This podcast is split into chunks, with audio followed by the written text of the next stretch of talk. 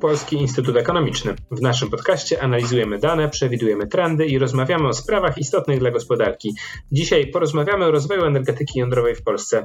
Nazywam się Jacek Grzeszak i zapraszam do wysłuchania dzisiejszego odcinka.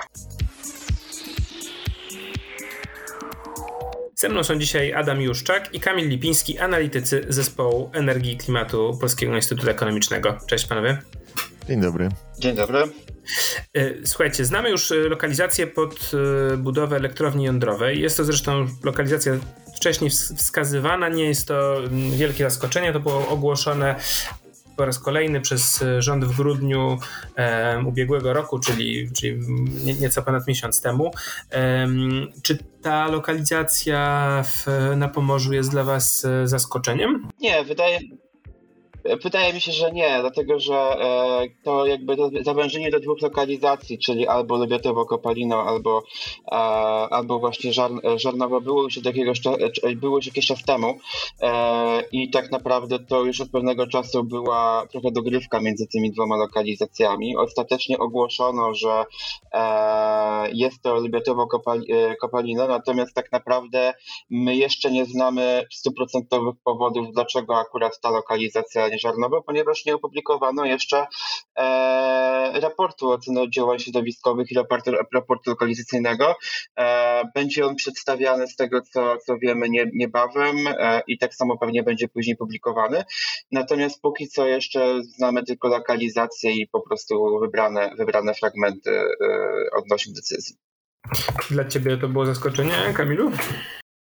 Raczej nie. W programie Polskiej Energetyki Jądrowej, tak jak e, słusznie Adam wskazał, było wskazane Lubiatowo-Kopalino oraz Żarnowiec i były wskazane kilka e, podstawowych zalet związanych w ogóle z celami, e, jakie ma, ma realizować program energetyki jądrowej, czyli po pierwsze jakby bezpieczeństwo dostaw e, energii elektrycznej, a po drugie budowanie bardziej zrównoważonego miksu energetycznego.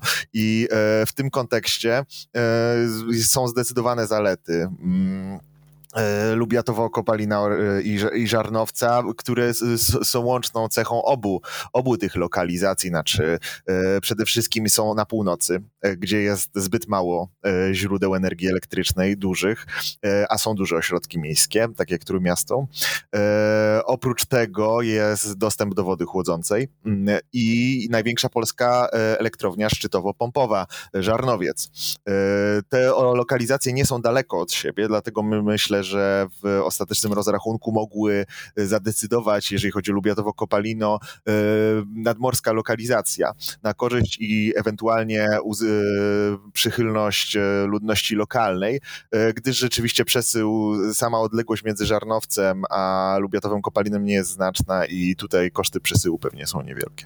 To powiedzcie w takim razie, no no. Jeszcze a propos właśnie a propos tego, e, tej przychylności, też warto wspomnieć, że e, ostatnio Ministerstwo Klimatu i Środowiska znowu robiło kolejne badania opinii społecznej na temat, e, lokali, na temat właśnie akceptowalności energetyki jądrowej i, e, i tego, jak ludzie ją oceniają. No i wyniki z października, listopada pokazują, że właśnie w tych regionach, które zostały wybrane, to jest około 60 paru procent, 63 chyba bodajże, tam w okolicach Choczewa, Gnieniwa, e, Krokowa. E, co jest wysokim wynikiem, bo jeżeli porównamy sobie to nawet chociażby z akceptacją energetyki jądrowej wyprowadzonym przez nas niedawno badanie na temat Bełchatowa, które jest zważone na drugą lokalizację e, elektro elektrowni jądrowej, tego drugiego reaktora, która ma powstać później, e, to była tam ona jednak niższa i wynosiła poniżej 50%. Także 63% to jest naprawdę niezły wynik jak na akceptację społeczności lokalnej. To jeszcze tylko możesz Adamie doprecyzować, bo rozumiem, że chodzi o akceptację y, ludności tej, tej gminy. W sensie byli pytani tak, mieszkańcy tak. oczywiście okolic inwestycji planowanych. Mieszkańców okolic inwestycji, mieszkańców gmin, w których ma być zlokalizowana elektrownia jądrowa. Jeszcze do tego Bełchatowa bym chętnie wrócił, ale chciałem was zapytać o Żarnowiec, który się, który się przewijał, który był, jak rozumiem, jako ta rezerwowa, druga rozważona lokalizacja. To tutaj warto może powiedzieć naszym słuchaczom, którzy nie siedzą, można powiedzieć, głębiej w tej tematyce energetycznej. Wszyscy chyba praktycznie w Polsce kojarzą, wiedzą, że Żarnowiec to e, miejsce, gdzie była już budowana e, elektrownia jądrowa. Nie wszyscy wiedzą, że ta elektrownia jądrowa była praktycznie gotowa, w tym sensie, że tam możecie mnie poprawić, około 80 paru procent tej inwestycji zostało zbudowanych w latach 80. do momentu zawieszenia tej budowy w roku 90.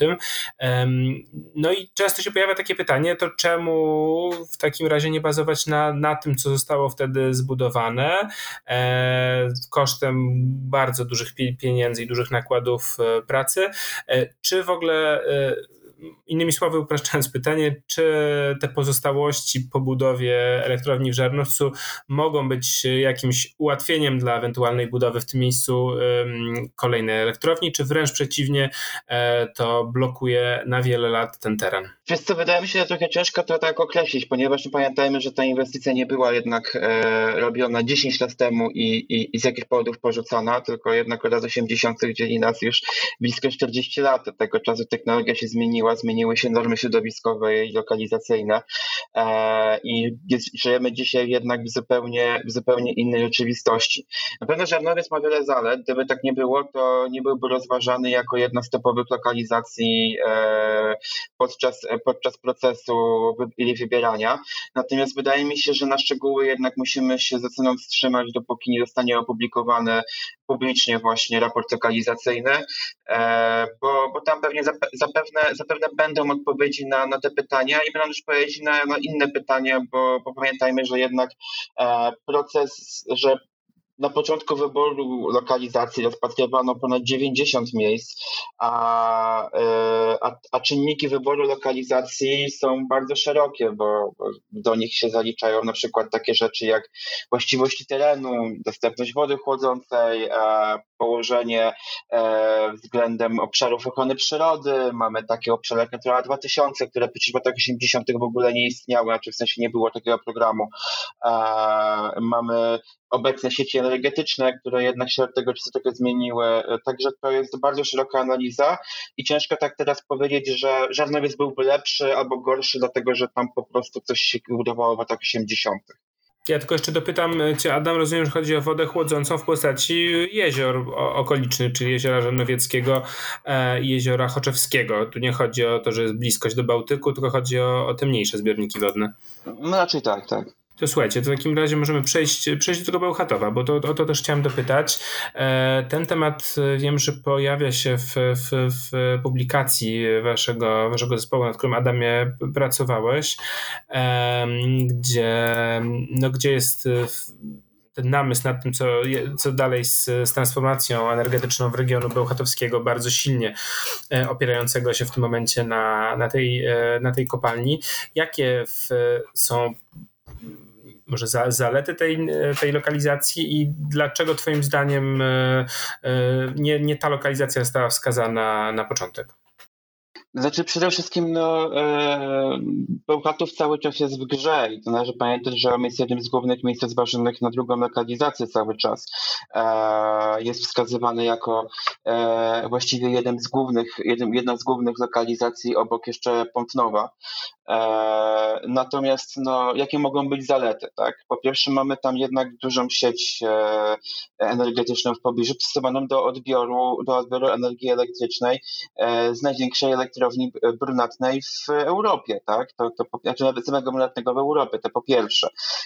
Po drugie należy też wziąć pod uwagę takie czynniki jak czynniki społeczne, to znaczy to, że obecnie jednak elektrownia Bełchatów zatrudnia no, znaczącą ilość e, mieszkańców powiatu bełchatowskiego i okolic. I tak samo jeszcze, jeżeli coś, jeżeli tym, czy tylko jeszcze kopalnie e, i centrale, no to to wychodzi 7-8 tysięcy miejsc pracy. E, budowa elektrowni jądrowej w momencie, w, w, w takim miejscu, w momencie, kiedy wy, musimy się wycofywać z wydobycia i spalania węgla brunatnego, a to pociągnie za sobą negatywne konsekwencje gospodarcze dla regionu, jest jakąś formą e, wynagradzania społeczności lokalnej e, tej, tej zmiany i, i próby jakby no, zamiany jednego, jednej energetyki na drugą, tak żeby nie stał się to kolejny region, który, który po prostu znacząco ucierpiał transformacji energetycznej. Już takie błędy popełnialiśmy. Popełnialiśmy w latach 90., kiedy niektóre regiony e, takie jak Bytom bardzo mocno ucierpiały na transformacji energetycznej, do tej pory się nie, do tej pory mają gorsze wyniki gospodarcze od reszty regionu, więc to się tak naprawdę ciągnie przez 20 parę lat.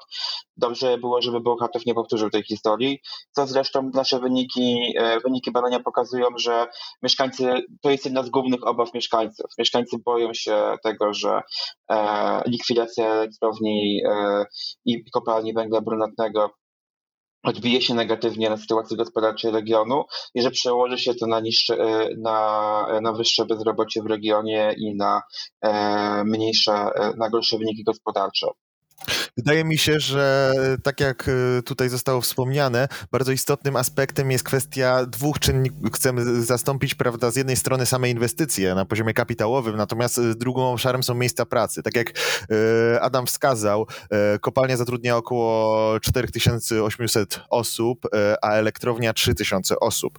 I pytanie, jeżeli chodzi o inwestycje w energetykę jądrową, no to one są bardzo kapitałochłonne przede wszystkim, jakby zwłaszcza w w, tym obszarze mm, w, w, w, obszarze samego, samej konstrukcji. Natomiast e, nie wykluczone, nie należy wykluczać e, takiej sytuacji, że pomimo tej bliskości sieci, no to właśnie ta kwestia źródeł energetycznych na północy, ich zapotrzebowania na te źródła będzie decydująca oraz e, samej łatwości dostaw wielkogabarytowych, z, z, jeżeli chodzi o, od północy, od morza, że, że to będzie miało decydujące znaczenie, dlatego że to nie znaczy, że Bełchatów musi jest skazany na stanie się w wypadku odejścia od węgla brunatnego regionem e, takiego antyklimatycznego populizmu, e, gdyż e, być może inną opcją, jeżeli chodzi o zastąpienie elektrowni bełchatowskiej w przyszłości, byłyby odnawialne źródła energii, które by właśnie być może bardziej, mniej były wymagające pod względem kapitałowym, natomiast bardziej pod względem zapewnienia miejsc pracy tym osobom, które już jakby w elektrowni pracują. To jak rozumiem, patrzę szybko na mapę, w, w koło Bełchatowa, koło Kleszczowe nie widać takich zbiorników wodnych jak te, o których mówimy na Pomorzu, e, więc e, to też od razu, e, jak rozumiem, jest pewna blokada, jak chodzi o chłodzenie tych instalacji.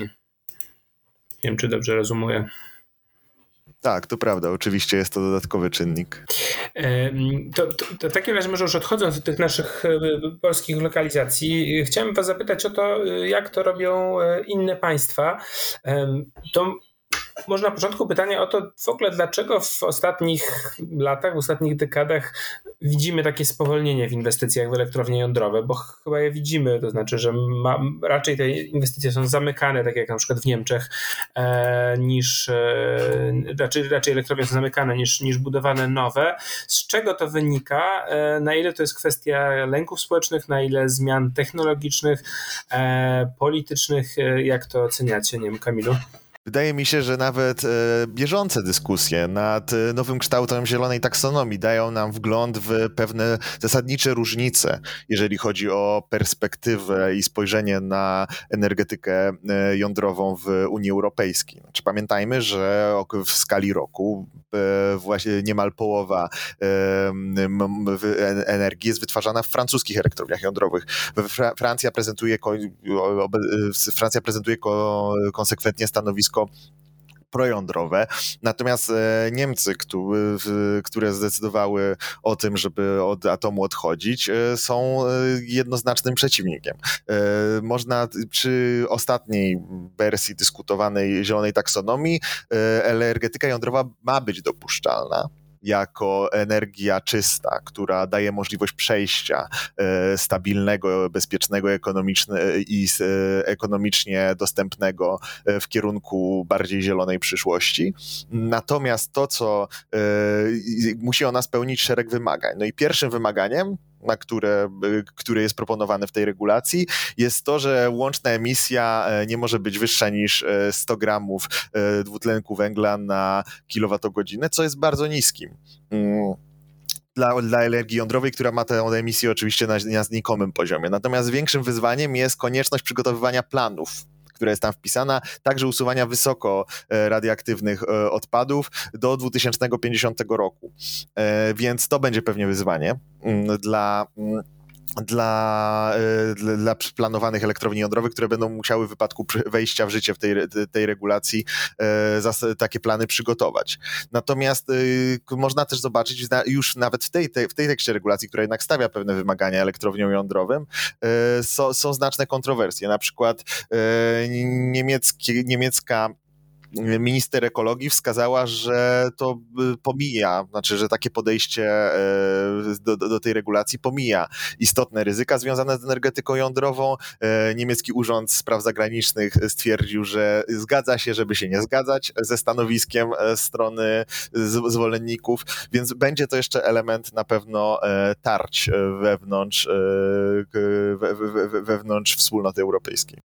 Tu mówiłeś o, o polityce, ale też um, chciałem zapytać może ciebie, Adamie, o te, o te względy techniczne, to znaczy na ile, na ile ta technologia elektrowni jądrowych nadąża za zmianami e, technologicznymi w ostatnich, w ostatnich dekadach, bo też no to, to do, można powiedzieć, do Czarnobyla było to chyba taka e, dosyć prężnie rozwijający się, się rodzaj energetyki, e, bardzo nowoczesny.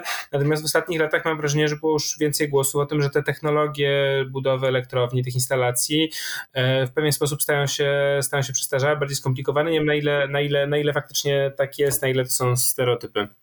Co wydaje mi się, przede wszystkim musimy zacząć jednego stwierdzenia. To to, że e, nie jest do końca prawdą, że to bardzo mocno przestępowało, jeśli chodzi o energetykę jądrową, bo to możemy powiedzieć tylko, jeżeli patrzymy bardzo europocentrycznie.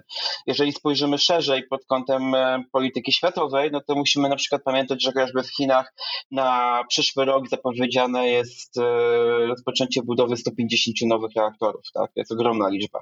A, tak naprawdę pod pewnym kątem można powiedzieć, że ta, pierwsza, że ta rewolucja jądrowa, przynajmniej jej pierwsza fala w Europie Zachodniej w jakimś stopniu się już dokonała wcześniej. To znaczy, no, kto się chciał pobudować, jeżeli chodzi o dany procent energetyki jądrowej się pobudował, a potem była trochę stagnacja, ponieważ nagle mm, okazało się, że możemy iść też w zieloną energetykę, która jest e, w uzupełnieniu, e, która stawała się przez ostatnie 10-15 lat coraz tańsza, coraz bardziej niezawodna. E, jeżeli spojrzymy na opłacalność solarów, e, wiatraków, ilość powstających farm offshore, czyli farm wiatrowych na morzu, rozwój biogazownictwa, to wszystko ma bardzo dynamiczny, dynamiczny przebieg w ciągu ostatnich kilkunastu lat i wydaje mi się, że to też jest bardzo duży powód, dlaczego, dlaczego właśnie to, ta, na tą technologię stawialiśmy na jej rozwój w ostatnich latach, a nie na atom, który trochę który był w stagnacji. Natomiast oczywiście energetyka jądrowa dalej, dalej się rozwija, no tylko że należy pamiętać też o pewnych wadach, tak? To znaczy e, przede wszystkim to są bardzo kosztowne inwestycje, bardzo długoterminowe. Jeżeli planujemy stawianie wiatraków, jeżeli planujemy stawianie paneli fotowoltaicznych, to możemy się chwalić przyrostem właściwie z roku na rok. E, jeżeli planujemy stawianie energetyki jądrowej, no to musimy planować tak naprawdę na, na przynajmniej 15 lat, lat w przód. E, też jest stosunkowo istotne, mm, jeśli chodzi o z tego, y, z tego, co, z tego co nie wiadomo, czy, znaczy też jest tak, że e, jeżeli chodzi o technologię rozwoju, rozwoju, ja oczywiście nie jestem inżynierem, natomiast e, są w rozwoju też już tak zwany reaktor czwartej generacji. Póki co bazujemy na tych reaktorach trzecich, generacji trzeciej plus. To i tak jest bardzo duży postęp. Nie można powiedzieć, że nic się nie zadziało tutaj od Czarnobyla, bo jednak e, już, bo nikt jednak nie buduje reaktorów RBMK, e, jakie były, jakie były w Czarnobylu i pod względem bezpieczeństwa i pod względem e, wydajności to jest, to jest zupełnie, zupełnie inna bajka. No i mamy oczywiście też e, rozwój właśnie e, SMR-ów, tak? To znaczy w debacie publicznej coraz częściej mówi się o SMR-ach, czyli małych reaktorach jądrowych, które wcześniej były używane do bardzo, bardzo konkretnych zastosowań, to znaczy były one na przykład używane w łodziach powodnych. E, natomiast teraz coraz częściej e, widać plany rozwojowe żeby te małe reaktory, czyli mniej więcej do 300 MW, kilka razy mniejsze od tych dużych reaktorów jądrowych, chociaż pojawiają się już trochę większe te, reaktor, te małe reaktory, bo chyba kilka miesięcy temu potężny Rolls-Royce ogłosił, że jego reaktor ma trochę powyżej 400, który, który, który, jest, w trakcie budowy, który jest w trakcie budowy, które mogą mieć znacznie zastosowanie i, i na przykład być też stosowane w miejscach, w których duże reaktory nie mogą być budowane, tak? ze względów środowiskowych, czy też ze względów na niewystarczające inne ubytki lokalizacyjne, jak na przykład niewystarczająca ilość zbiorników wodnych w pobliżu. Także na pewno dużo się tu dzieje i jeżeli odrzucimy na bok względy polityczne, no to na pewno nie można powiedzieć, żeby to była, e, żeby to była jakaś ogromna stagnacja, tylko po prostu OZE rozwijało się w ostatnich latach bardziej dynamicznie. Okej, okay, tutaj fajnie, że nawiązałeś do, do, do tematu małych reaktorów, tych SMR-ów, e, bo to faktycznie jest dosyć szeroko w debacie publicznej i w Polsce i na świecie obecne w ostatnich latach. Mamy deklaracje od spółek Skarbu Państwa, od KGHM-u, e, z tego co pamiętam też od Orlenu, o planach na budowę tego rodzaju instalacji w perspektywie kolejnych, e, kolejnych lat. Jak ty to Kamilu postrzegasz? Czy to jest na razie e, na ile postrzegasz to jako realną perspektywę w, na kolejne, kolejne lata? Że mi się wydaje, że SMR-y są ciekawą próbą zrównoważenia e, tej mega, tego, tych ryzyk związanych z megaprojektami, o których e, powiedział Adam. Tak? Znaczy przede wszystkim jakby dużym wyzwaniem, zwłaszcza dla państw rozwijających się i państw powiedzmy drugiego świata w wchodzeniu w energetykę jądrową było właśnie taka olbrzymia kapitałochłonność i skala tych projektów, która przekładała się na e, po pierwsze mm, duże koszty związane z pozyskiwaniem tego kapitału, w tych państwach, które są e, bardziej odległe od centr finansowych, a myślę, że nie w sensie geograficznym oczywiście, tylko w sensie strukturalnym. E, a drugim obszarem E, jeżeli chodzi o wyzwania, to są właśnie ryzyka, są te czarne łabędzie, które mogą w tak e, znacznym e, projekcie się pojawić i prawda, wpłynąć na jego zarówno koszty, jak i harmonogram realizacji. Kolejnym obszarem, którym też wspomniał Adam, jest kwestia mm, też pewnej ciągłości. Tak? Znaczy, że tutaj mamy dużą perspektywę, w przypadku znacznych projektów mamy długą perspektywę i konieczność prowadzenia spójnej, konsekwentnej, E, też ponadpartyjnej polityki w zakresie, e, w zakresie sektora energetycznego. E, I to są olbrzymie wyzwania takich projektów. I SMR-y, znaczy mniej, mniejsze, mniejsze reaktory, są tutaj szansą na wyjście, na, na dywersyfikację tych ryzyk, na wykorzystywanie energii jądrowej także w mniejszej skali, w w projektach, które być może mają mniejsze ryzyka związane z, z harmonogramem i kosztami ich realizacji. Bo tutaj też warto dopowiedzieć, rozumiem, na razie jest to dosyć na wstępnym etapie rozwoju technologia, e, czyli tak naprawdę nie wiemy, w którą stronę pójdzie. Równie dobrze może się okazać, jak to przy wielu te technologiach ma, e, ma miejsce taka krzywa, krzywa rozwoju od ogromnych oczekiwań do ich urealnienia, ale w niektórych przypadkach się okazuje, że właśnie rozwój tych technologii e, może prowadzić do tego, że powstaną nowe rozwiązania. Jak rozumiem, na razie mówimy o tych SMR-ach bardzo konkretnych, Adam mówił o, e, Adam mówiłeś o, o łodziach podwodnych, mówimy o zasilaniu rozumiem, konkretnych zakładów dużych produkcyjnych, raczej nie o w, dużych e, wolumenach energii do sieci energetycznej, ale jak rozumiem, e, szybki rozwój technologii może spowodować, że za kilka, kilkanaście lat, jak rozumiem, ta technologia jest w stanie wyprzeć takie klasyczne, czy, czy, czy, czy, czy inaczej trochę rozumiecie? To prawda, tylko e, zwróciłbym uwagę na jeden wątek, znaczy na kwestię właśnie e, kapitałochłonności wczesnych i późnych, e, bardziej dojrzałych i mniej dojrzałych projektów, tak? Znaczy, że jeżeli zakładamy, że będziemy rozwijać jakąś technologię, to mm, te korzyści są odłożone w czasie i są obarczone większym ryzykiem. Więc w sytuacji, kiedy priorytetem w programie e, budowy polskich elektrowni jądrowych jest przede wszystkim e, zapewnienie stabilności, bezpieczeństwa, ekonomicznej dostępności e, cen energii i zrównoważonego zielonego miksu energetycznego. W takiej sytuacji lepiej skorzystać z tych efektów, z tych korzyści, z, z tych pozytywnych efektów związanych z późnym wdrażaniem pewnych technologii, które pozwalają uczyć się na doświadczeniach doświadczeniach i błędach e, innych e, państw. To na koniec w takim razie chciałem, no tak, czy chciałem cię... Jeszcze, Adam, jeszcze, jeszcze w kontekście SMR-u mhm. właśnie też mi się wydaje jeszcze ten bardzo istotny aspekt właśnie ten lokalizacyjny, znaczy też i wielkościowy. To znaczy chodzi też o to, że SMR-y jakby mogą być mieć dużo szerszą akceptację społeczną, bo jednak e, jest dużo mniejsze, mniejsze przerażenie, jeżeli e, swoim sąsiedztwie mają budować mały reaktor, który ma 300 MW i który generalnie, pamiętajmy też o tym, że jest dużo innych zalet technologicznych te, e, SMR-ów, to znaczy to, że one dzięki obiegowi zamkniętemu mogą brać mniej odpadów chociażby e, niebezpiecznych, czy to, że właśnie e, są bardziej zautomatyzowane niż, niż, obecne, e, niż obecne reaktory, a to może spowodować, że, że to duża część osób w ogóle nawet nie będzie wiedzieć, nie będzie kontrowersji społecznych, że obok ciebie taki reaktor jest budowany. Tak jak wiele osób na przykład do tej pory nie ma pojęcia, pojęcia, że e, i nie przeszkadza mi kompletnie, że pod Warszawą mamy reaktor Maria, bo, e, który, e, który jest używany do celów eksperymentalnych i rozdziałów medycznych, bo to nie jest duży reaktor, więc, więc tak naprawdę nie ma wokół tego dużego szumu.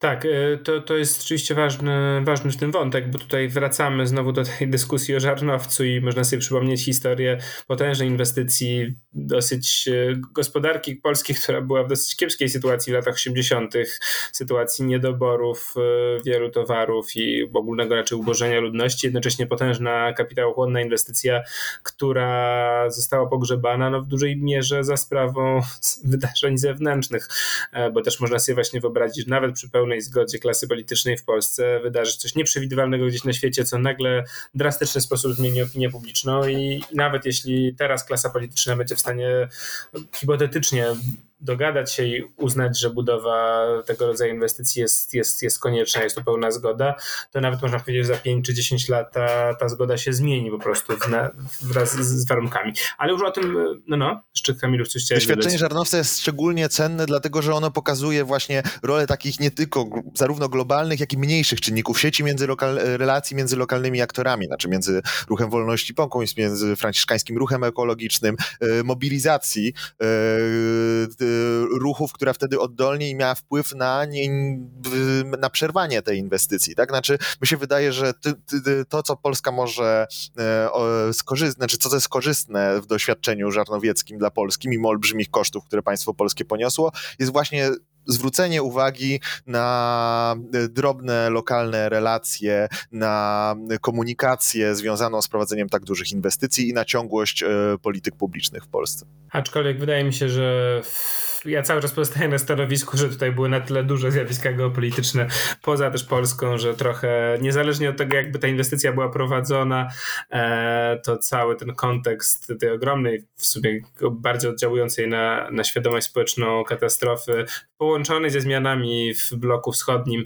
ale to jest na inną rozmowę. To już na inną rozmowę, ja tylko tak chciałem to zaznaczyć. I na sam koniec chciałem Was zapytać, już właśnie odrywając się od tego kontekstu, bo to takich dyskusji jest masa prowadzonych, czy to czy się uda, czy nie uda, co się musi wydarzyć.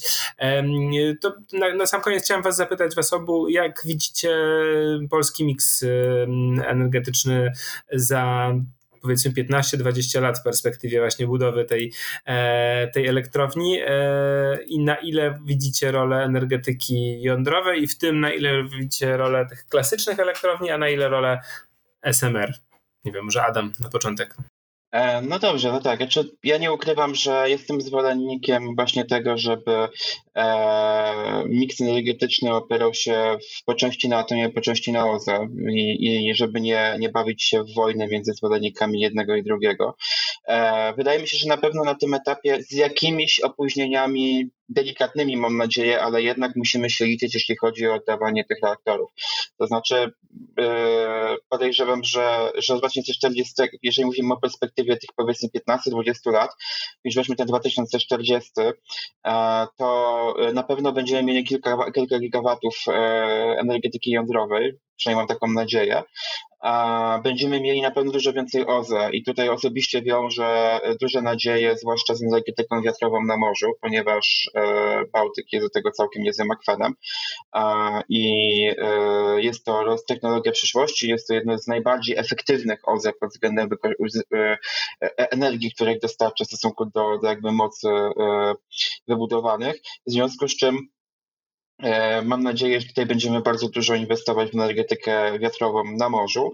E, lądowa, lądowa też będzie, będzie w przyszłości istotna i tutaj też mam nadzieję na zniesienie ustawy 10H i, i e, jednak gęstszą zabudowę, zabudowę wiatrakami.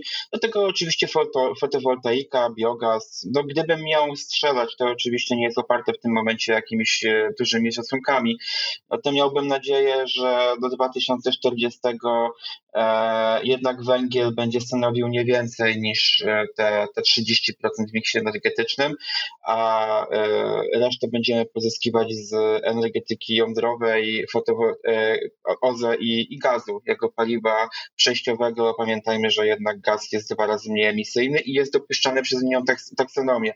Oczywiście w kontekście ostatnich problemów z, z dostawami gazu i, i z rynkiem gazu to jest pewne ryzyko, ale z drugiej strony no, ten gaz jest, też jest przewidziany w, chociażby w polityce energetycznej Polski 2040. E, to, to tyle z mojej strony. E, nie wiem, czy, czy teraz może oddam go z Kamilowi. Więc y, ja bym tutaj uzupełnił, jeżeli chodzi o, mm, ga, e, o gaz, że warunkiem wykorzystania w, gazu jako paliwa przejściowego w tej e, nowej, e, tak proponowanej taksonomii jest możliwość blendowania